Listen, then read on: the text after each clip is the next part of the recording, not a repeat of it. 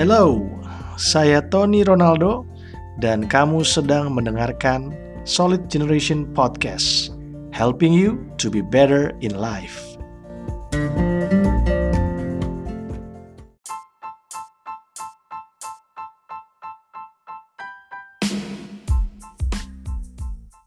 Alright, Solid Generation. Welcome back di seri renungan Solid Foundation, dasar yang teguh. Sudah sampai di episode yang ke-17. Dan kali ini Kak Tony kasih judul Ketika Cinta Harus Memilih. Ya sengaja sih emang judulnya agak dibuat clickbait sedikit. Tetapi hari ini kita nggak akan bahas tentang cinta antara dua orang insan manusia. kita akan bicara tentang cinta akan uang dibandingin sama cinta kepada Tuhan ya ayatnya satu ayat aja malam hari ini siang hari ini sore hari ini atau pagi hari ini tergantung kapan kamu dengerin eh, podcast ini eh, dari Matius 6 ayat yang ke-24 kita masih pakai Alkitab mudah dibaca ya. Saya bacain satu ayat aja. Kamu tidak bisa bekerja untuk dua majikan pada waktu yang sama. Kamu akan membenci majikan yang satu dan menyukai majikan lainnya. Atau kamu akan patuh pada majikan yang satu dan tidak peduli dengan majikan lainnya. Kamu tidak dapat melayani Allah dan uang pada waktu yang sama. Kata uang di terjemahan lain ada juga yang pakai kata mamon, teman-teman. Itu dari bahasa Aram yang artinya adalah kekayaan. Ketika cinta harus memilih, Alkitab dengan jelas mengatakan Yesus dengan tegas memperingatkan bahwa kita anak-anak Tuhan nggak bisa mencintai Tuhan dan uang sekaligus gitu ya. Harus pilih salah satu.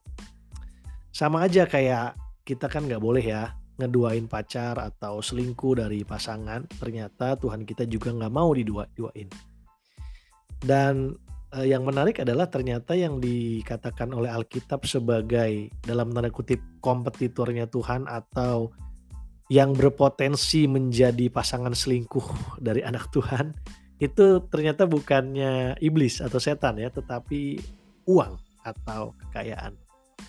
Nah, kalau kita membaca sekilas atau mungkin teman-teman juga pernah dengar khotbah, kadang-kadang ini kayak membingungkan ya ada beberapa bagian firman Tuhan yang bilang orang kaya sulit masuk surga. Tapi ada juga beberapa bagian Alkitab yang bilang kalau kita rajin kita pasti kaya atau Tuhanlah yang memberikan kita kekuatan untuk mengumpulkan kekayaan. Jadi yang mana yang benar?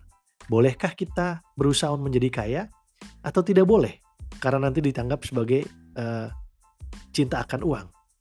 Nah, hari ini Kak cuma ngasih beberapa insight atau pengetahuan atau wawasan gitu ya tentang apa perbedaan antara mengumpulkan kekayaan ya uh, me, bukan mengejar mengumpulkan uh, kekayaan yang alkitabiah yang sesuai dengan kebenaran firman Tuhan apa bedanya tuh sama yang disebut Alkitab sebagai melayani atau diperbudak oleh uang yang pada dasarnya tidak berkenan di mata Tuhan?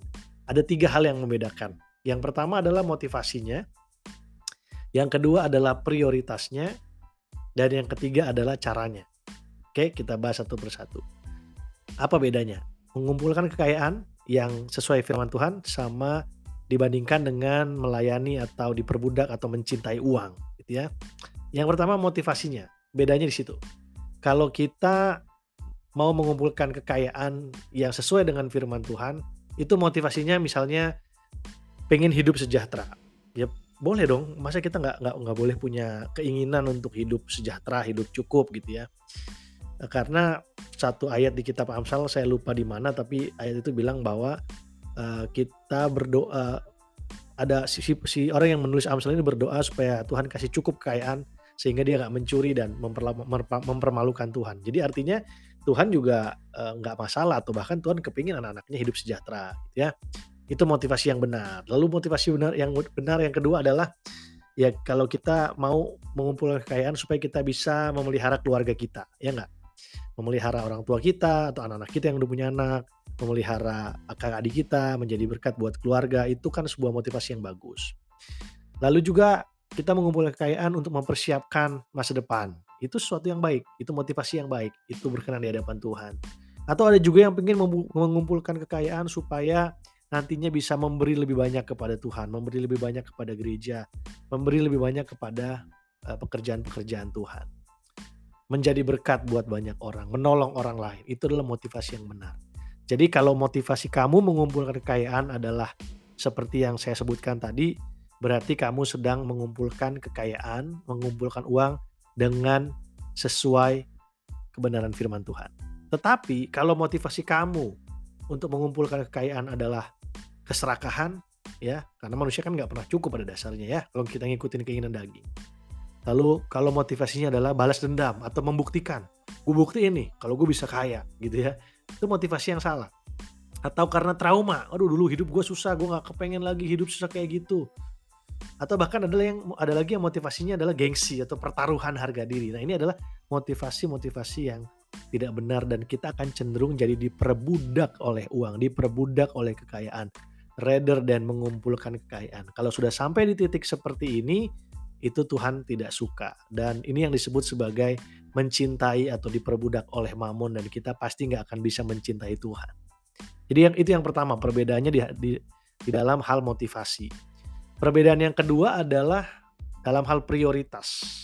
Kalau orang yang mengumpulkan kekayaan dengan cara atau dengan uh, sesuai kebenaran firman Tuhan ketika ada yang bentrok ya misalnya antara kerja sama hubungan pribadi dengan Tuhan maka orang ini akan tetap memilih Tuhan ya. Dia akan terus berusaha bagaimana caranya gue tetap bisa baca Alkitab setidaknya tetap bisa berdoa walaupun kesibukan pekerjaan. Prioritasnya tetap benar. Tidak bikin alasan ya. Tidak membuat uh, pencarian akan kekayaan itu sebagai alasan ah ini toh gue lakukan supaya nanti gue bisa memberi kepada Tuhan. Ini toh gue gue lakuin nanti supaya gue bisa uh, memelihara keluarga gue Tuhan pasti tahu Tuhan pasti ngerti. Udahlah nggak ke gereja dulu nggak apa-apa. Nggak nggak berdoa dulu nggak apa-apa. Nggak menjaga nggak menjaga kualitas hubungan gue sama Tuhan itu nggak apa-apa. Nah ini prioritasnya udah salah. Dan ketika prioritasnya bergeser kayak begini ada indikasi kita sebenarnya udah tidak mengumpulkan kekayaan dengan cara dengan sesuai kebenaran firman Tuhan lagi tetapi sudah diperbudak oleh mamon. Dan yang ketiga, perbedaannya adalah dalam hal caranya. Ya tadi motivasinya, prioritasnya lalu caranya. Kalau mengumpulkan kekayaan dengan cara yang jujur, tidak korupsi, tidak mengorbankan orang lain, tidak menghalalkan segala cara, maka kita sedang mengumpulkan uang dengan cara yang berkenan kepada Tuhan. Tapi kalau kita kemudian menghalalkan segala cara, pokoknya yang penting gue dapat lebih banyak uang, pokoknya bagaimanapun caranya gue harus kaya, kaya dengan cepat, tidak memperhatikan nilai-nilai kebenaran lagi, ada indikasi bahwa kamu sedang terjebak kepada mencintai atau diperbudak oleh mamon. Ingat, yang menjadi potensi untuk pasangan selingkuhnya anak Tuhan itu bukan iblis, bukan setan, tapi uang. Ini yang diperingatkan Tuhan dengan serius. You cannot serve God and money at the same time. Kamu akan mencintai yang satu dan membenci yang lainnya. Kita jadikan ini bahan perenungan sama-sama ya. Tuhan bukan yang gak mau kita mengumpulkan kekayaan, tetapi motivasinya harus benar, prioritasnya tetap harus benar, dan caranya juga harus benar. Semoga renungan ini bisa menjadi berkat buat kita semua. Kita jumpa lagi di episode selanjutnya. Tuhan Yesus memberkati.